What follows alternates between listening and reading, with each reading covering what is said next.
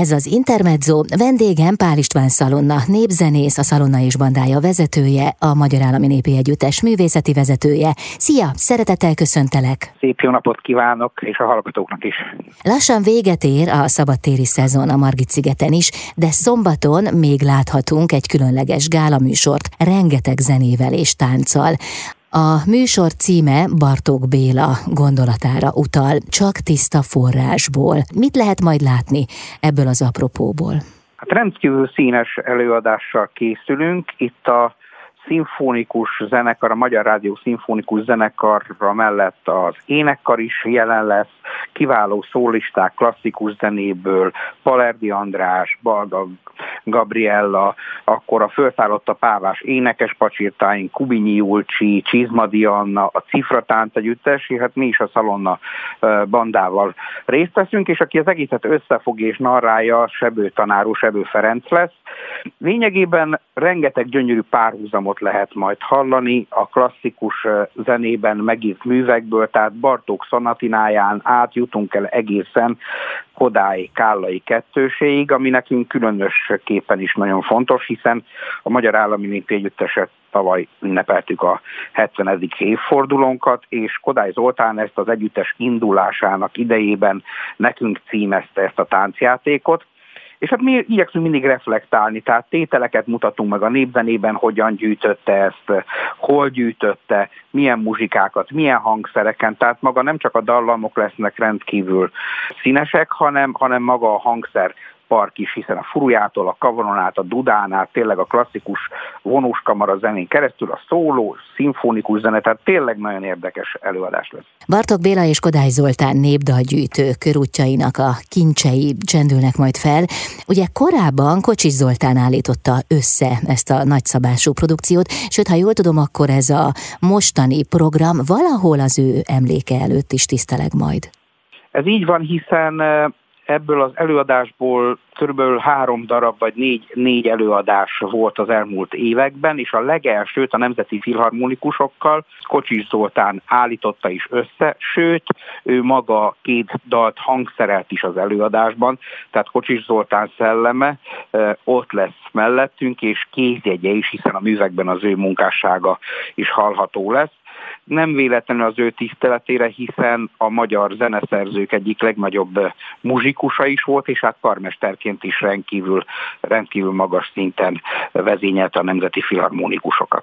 Ugye ez most a próba hét, éppen ezért nem tudtál eljönni a stúdióba, de hát telefonon szerencsére azért meg tudjuk ejteni ezt a beszélgetést, de hogyan álltok a próbákkal, hiszen hát hamarosan itt a szombat. Hát ugye ezt a mi próbáinkat lényegében a mi életünkben egy olyan 25 évnyi népzene tanulás hát megelőzte, hiszen azokon a vidékeken, ahonnan játszunk, legyen az Máramaros, vagy legyen az akár Nagykálló környéke, mi magunk is a zenekarral elmentünk és gyűjtöttünk ezeken a vidékiken, bár 80-100 évvel akár Bartók után, de még mindig lehetett találni abból a tiszta forrásból, amiből mi is eh, ízlelhettünk, és igyekszünk tényleg legszebb módon eljátszani az előadásban. A koncert konkrét próbái azok eh, azok eh, teljesen rendben vannak, mindenki gyönyörűen tudja a dolgát, tehát ez már lényegében csak egy ilyen átismétlő próba. A szimfonikus zenekarnak is, és hát a mi részünkről is, a táncosokkal. Nagyon jó viszonyban vagyunk ők eh, Sánta Gergő vezetésével a Cifra tánc együttes, ők is szintén a felszállott eh, a pávában voltak.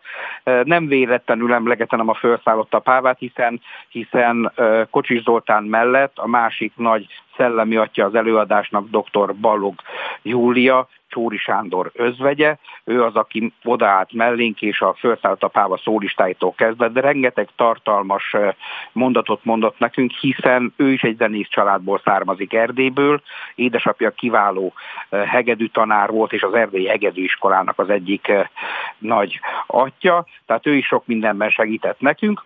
Mi pedig a próbákkal szerintem már egy hete is jól látunk. Hát, meg már évekkel ezelőtt is jól láthatok.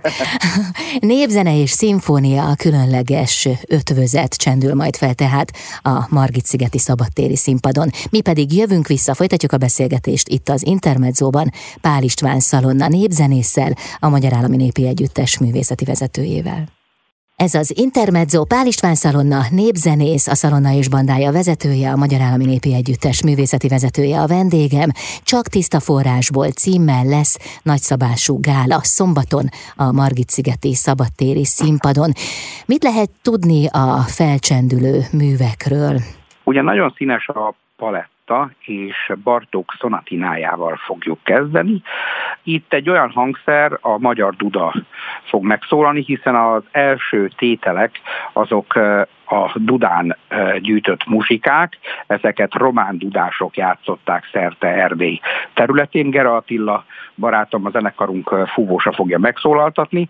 Aztán medvetánc például, ami szintén egy nagyon érdekes muzsika, ezt én fogom játszani Hegedűn nagyon érdekes rácsodálkozás az, akár a klasszikus zenészek részéről sok esetben, akár, akár nekünk is eh, népzenészeknek, de hát a közönségnek is természetesen, mikor egy-egy téma fölcsendül abban az eredeti formájában, és hát azért az nagy, nagy segítség, hogy eh, hogy ezek a fonográf hengerek, ezek azért megvannak. Tehát meg tudjuk hallgatni azokat a muzsikákat, bár tényleg egyre jobban recseg, ropog, hiszen ezek a fonográf hengerek ahányszor meghallgatod, annyiszor a viasz henger lényegében rongálódik, és már csak a sistergést lehet hallani egy idő után de, de azért nagy élmény az, és látom a muzsikusokon is, hogy amikor például akár a következő tételben a román népi táncokat eljátszuk az eredeti formájában, akkor, akkor a barátaink a klasszikus zenekarban ülők is picit másképp játszák a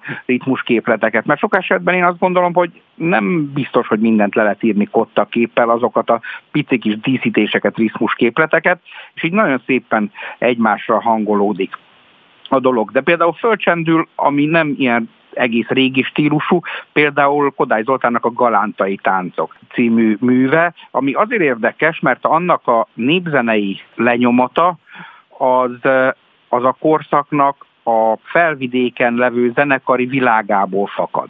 Tehát az egy teljesen másik típusú hangzás, mint az erdélyi hegedű uh, muzsika, és hát maga Kodály is egy, egy zongorás kéziratból írta át a művet, tehát annak nem konkrét népzenei gyűjteményei voltak. És érdekes hallani azt, hogy milyen az, amikor egy fonográf hengerről, régi stílusban tanulunk muzsikákat, vagy milyen az, mikor egy, egy átirat alapján tanuljuk meg mi is. De népdalaink szempontjából is gyönyörű népdalok jelennek meg. Van például, ami egy vicces dallam, a Puciné eh, nevezetű kocsmáros asszonyról szóló dal. Például ezt eh, Kocsis Zoltán hangszerelte, és egy rendkívül kis ironikus játékos dal. Palerdi András és Zsikó Zoltán egyikük a klasszikus zenét, másikuk a népzenét fogja énekelni de hát a híres malomnóta is például megszólal, az a malomnak nincsen köv, amit nagyon sok ember ismer, ezt jobb, jobbágyterként gyűjtötte ugye Bartók Béla. Tehát tényleg órákig e, tudnám sorolni a dallamokat sorba, hogy miket fog hallani a közönség, de hát a szóló duda hangszertől egészen a szimfonikus zenekar kórussal lévő kállai kettőség, azért ez egy nagyon-nagyon színes paletta, és nagyon humorosan és, és szépen vezeti Sebő Ferenc a műsor, tehát néha egy-egy viccet belesző, néha egy-két saját gyűjtésből történetet, akár mékeréken, vagy akár Erdélyországban, amikor jártak ezeken úgynevezett terepeken, és gyűjtöttek. Tehát érdekes dolgok születnek. Autentikus forrásból lehet majd akkor hallani az információkat Sebő Ferenctől, és hát számos anekdota is nyilván elhangzik majd. Hogyan állítottátok össze a programot, Szalonna? A bőség zavarával küzdöttetek, gondolom. Természetesen, hiszen hiszen mindegyik tájegységhez lehetne, vagy mindegyik összeállításhoz lehetne egy óra táncot és egy óra zenét játszani mellé, ami azt a hangulatot tükrözi. Tehát ugye, mivel általában akár Kodály Zoltán vagy Bartók Béla szemezgettek egy-egy tájegység dallam világából, de annak a falunak egy lakodalomnyi muzsikáját el tudnánk játszani, csak arra nincs idő, és arra maratonokat kellene szervezni, de ha csak azt teszem, amit ők gyűjtöttek, az is elég lenne pár évnyi muzsikálásra. Úgyhogy nem, nem volt abszolút könnyű. Ebben Sánta Gergő volt az, aki koreografálta a, a táncos lépéseket, ami az érdekessége, hogy igyekeztünk mindig úgy összefűzni, hogyha például egy adott tájegységen mondjuk a zene volt az erősebb, és nem nagyon ismerünk táncot, akkor a mai tudásunk szerint azt a típusú táncot a környező településeken, ha táncolták, akkor azt is bevontuk az előadásba. Például játszunk a román népi táncok egyik tételeként egy forgatós zenét, játszunk hozzá egy boncidait, viszont a boncida és a válaszúti eh, román táncok azok gyönyörűek ezért beemeltük a műsorba. Vagy a román népi táncok végetételében Bihari zene szólal meg Bartók művében, ezért a Magyarországon levő bihari dialektusnak, mékeréknek a táncát emeltük be mi is a műsorba, melyet a közönség nagyon szeret, és a tánc alapján érti meg az ember ezt a duda aprája szerű játékmódot, amiről Sebő tanár úr beszél magában a műsorban is. De Sánta Gergő volt az lényegében, aki összefogta maga az ívét a táncnak. Ugye a Kálai kettősnél ott egyszerűbb a dolog, hiszen az a 17. század óta egy elég kötött forma a tánc szempontjából, tehát lényegében az első táncfüzér, amikről tudunk a magyar táncok szempontjából, és, és ott, ott ezek olyan típusú táncok, ez egy csalogatós típusú tánc, ahol egy férfi és egy nő játékosan csalogatják egymást erre a muzsikára, amelyet Kodály Zoltán lényegében egy műbe szerkesztett. Uh-huh. Köszönöm szépen, Szalonna. Jövünk még vissza, folytatjuk a beszélgetést. Szó lesz a Magyar Állami Népi Együttesről is, hiszen tavaly ünnepeltétek a 70. évfordulót. Pál István Szalonna népzenész a vendégem, a Magyar Állami Népi Együttes művészeti vezetője itt az Intermedzóban. Az Intermezzo vendége Pál István Szalonna, népzenész, a Szalonna és bandája vezetője, a Magyar Állami Népi Együttes művészeti vezetője. Tavaly ünnepeltétek a Magyar Állami Népi Együttes 70. születésnapját. Ugye, ha jól tudom, akkor 1950-ben kapott megbízást Rábai Miklós, az együttes alapítója a Magyar Állami Népi Együttes megszervezésére, és 1951 volt az az év, amikor megszületett lett a Magyar Állami Népi Együttes ének, zene és tánckarának az első önálló bemutatója. Ez már történelem. Hát pontosan így van egyébként, mikor úgy a az évadot végigcsináltuk, és igyekeztünk úgy bemutatni a Magyar Állami Népi Együttest, Mihály Gábor együttes vezető barátommal, kitalálni magát az egész évét, az, hogy, hogy a, az idősebb táncosok táncosokra tisztelegve, a középgenerációra, aki lényegében egy váltást hozott, és a táncház mozgalom beköszönt az együttes életébe, és eljutva egészen a mai napig a Mihály Gábor vezette együttesig. Tehát azért egy rábai, tímár, eh, Mihály alapokon nyugvó együttesnek gyönyörű színei voltak az elmúlt 70 esztendőben, és valóban azt lehet mondani, hogy a magyar színpadi néptánc művészetnek az alapköve a Magyar Állami Népi Együttes, és valóban történelem. Ezt akkor tudatosul bennünk is, amikor egy ilyen évadot megcsinálunk, és akár az ecseri lakodalmastól a hagyományőrzőkkel való műsorig, hiszen úgy találtuk ki az egészet, hogy hogy elinduljunk a kezdetektől, tehát azokat a régi számokat, amelyeket akár, akár Gulyás tanár úr, vagy akár Rábai Miklós koreografálásától jussunk el, addig, hogy a csak tiszta forrásból itt is, mert az mindig visszaköszön az együttes életében, hiszen ez a mondat határozza meg a mindennapjainkat, mert úgy zártuk az évadot, hogy a világ számos országából hívtunk művészeket, a szerb muzsikusoktól a flamenkó táncosokig, az erdélyi hagyományőrzőktől a gorál barátainkig, akik ugyanúgy gondolják, mint mi, ugyanúgy merítenek energiákat ezekből a táncokból, és ugyanúgy komolyan veszik a saját kultúrájukat, hiszen az adhat útmutatást a jövőben.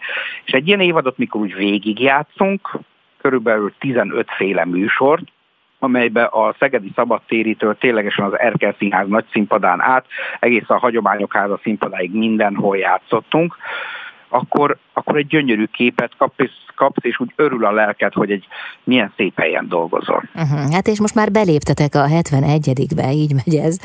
A jubileumi évad keretében június 26-án éppen a Hagyományok Háza színpadán mutattátok be ünnepi darabotokat, melynek címe 70 év színei. Ugye ebben az előadásban a társulat történetének a legsikeresebb elemeit mutattátok be egy színes és sokszínű izgalmas válogatás keretén belül. Viszitek-e tovább, mondjuk 71 év színeivel például? Ez folyamatos az együttes életében, mert például a mostani előadás, amelynek szeptember 8-án lesz a bemutatója a Nemzeti Táncszínházban, ez az ünnep címet viseli. Ez egy olyan előadás, amelyet amerikai turnénkra készít, készítünk, hiszen 23-as évben az Egyesült Államokba készülünk. Általában az együttes olyan 7 évente szokott elmenni egy ilyen két-három hónapos amerikai turnéra, ez már jó néhány esztendeje így van, uh-huh. ezt az előadást oda készítjük, és az emberi élet ünnepeit próbáljuk egészen a születéstől a, a lezárásig eh, végigvezetni és ez egy színházi előadás, amelyben a színházi látványvilágtól az autentikus táncon át a mai ember lelki világa is megjelenik. Tehát egy teljes, teljes palettát megmutatva, de például a tavalyi esztendőben mutattuk be az Idesereglik, amit tovatunk műsorunkat óda az énekes madárhoz, amelyiknek ihletője Tamási énekes madara volt, ami szintén kicsit a székelység lelkivilágába igyekszik becsempészni a, a hallgatót és a nézőt. Tehát nagyon sokféle műsorunk van, és, és az előadásaink például nagyon fontos szempont az, hogy hogy az autentikus műsoraink mellett mindig legyen egy pici kis táncszínházi műsor, hiszen, hiszen a mai világban már olyan technikai eszközök állnak lehetőségünkre, tehát olyanokkal tudunk dolgozni, amelyek egy újabb világot tudnak kinyitni. Most szombaton pedig a Margit szigeten lehet veletek találkozni. Pál István Szalonna népzenész a vendégem, a Szalonna és bandája vezetője, a Magyar Állami Népi Együttes művészeti vezetője itt az Intermedzóban. Jövünk mindjárt vissza. Az Intermezzo vendége Pál István Szalonna, népzenész, a Magyar Állami Népi Együttes művészeti vezetője.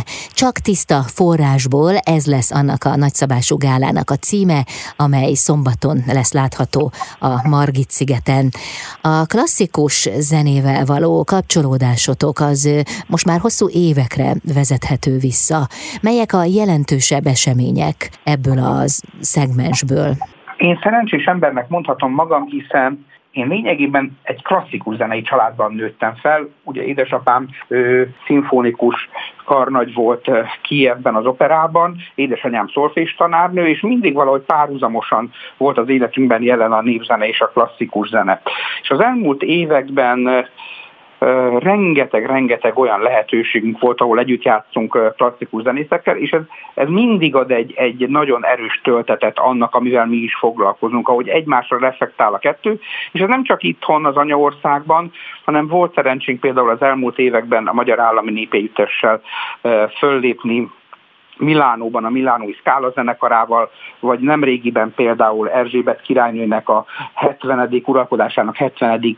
ünnepségén játszhattunk Londonba a Royal Philharmonikusokkal, és igazából mindenhol helytáll a népzene, és mindenhol van helye egy ilyen koncertterembe, miközben azt azért nem szabad elfelejteni, és én is csak Sebő tanár úr szavait idézzem, amit mi játszunk, az a popzene hiszen az egyház zenéből alakult ki a klasszikus zene, és a népzene az a mindenkori pop zenéje az embereknek, tehát erre mulatoztak inkább, és ez nem koncerttermi zene. Viszont gyönyörű szépen megfér egymás mellett a kettő, és nagyon szépen tud egymásra reflektálni. És mondom, nekem az egy különös öröm úgy, hogy klasszikus zenész családból jövök, hiszen tényleg mindenki klasszikus zenész a családban, a hugomat is beleértve, aki zongorista volt eredetileg, aztán most ott énekel nálunk a szalonnabandába, hogy, hogy a kettő tölti egymást, és csak erősíti. És legyen az bármilyen típusú zene, klasszikus zenében is, ahol merítkezik a zeneszerző a népzenéből, ott jó megismerni magát a népzenét is, mert a nyelvet azt használni és beszélni kell, és a kettő az ténylegesen kiegészíti egymást. Mhm. Milyen élmény volt Erzsébet királynő uralkodásának az ünnepére elutazni és ott együtt muzsikálni a Royal Philharmonikusokkal? Nagyszerű. Tehát az egész egy emelkedett időszak volt az egész brit világban, maga a város is tényleg pompában úszott, és ahogy kiléptél az utcára, mindenki királynős pólóktól kezdve zászlókkal járta a város, egy tényleg egy nagyszerű, nagyszerű érzés volt. Mi Szalonna bandával az elmúlt tizen esztendőben négyszer muzsikáltunk a, így már a királyi családban, akár Károly Herceg 70. születésnapján is, ahol személyesen találkozhattunk a királynővel. azért, azért tényleg egy ezer éves királyi család az, az egy nagyon-nagyon komoly dolog, és, és tényleg az ember azt legbelül érzi, amikor egy ilyen szituációban van, hogy hogy, hogy megemelkedik a dolog. Pedig neked volt egyébként mulatságos kapcsolódásod is, a, a, talán éppen a királyi családdal, ha jól emlékszem. Hát igen, a, amikor legelőször voltunk Aha. egy 56-os ünnepségen, és a Margaret Thatcherrel találkoztunk, ott volt egy érdekes történet, hiszen én nem ismertem meg a Margaret Thatcher-t, és kérdeztem a, a bőgös kollégámat, hogy ki ez az idős hölgy. Azt mondja, várjál, szalonna, mindjárt elmondom. És amikor elment, mondta, hogy hát ő, akivel beszélgette, az Margaret Thatcher volt.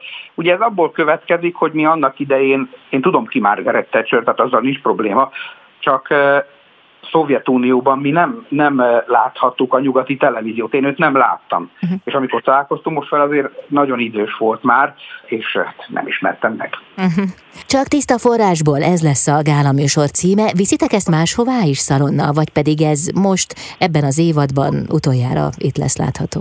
Tudomásom szerint ebben az évadban csak itt fogjuk bemutatni.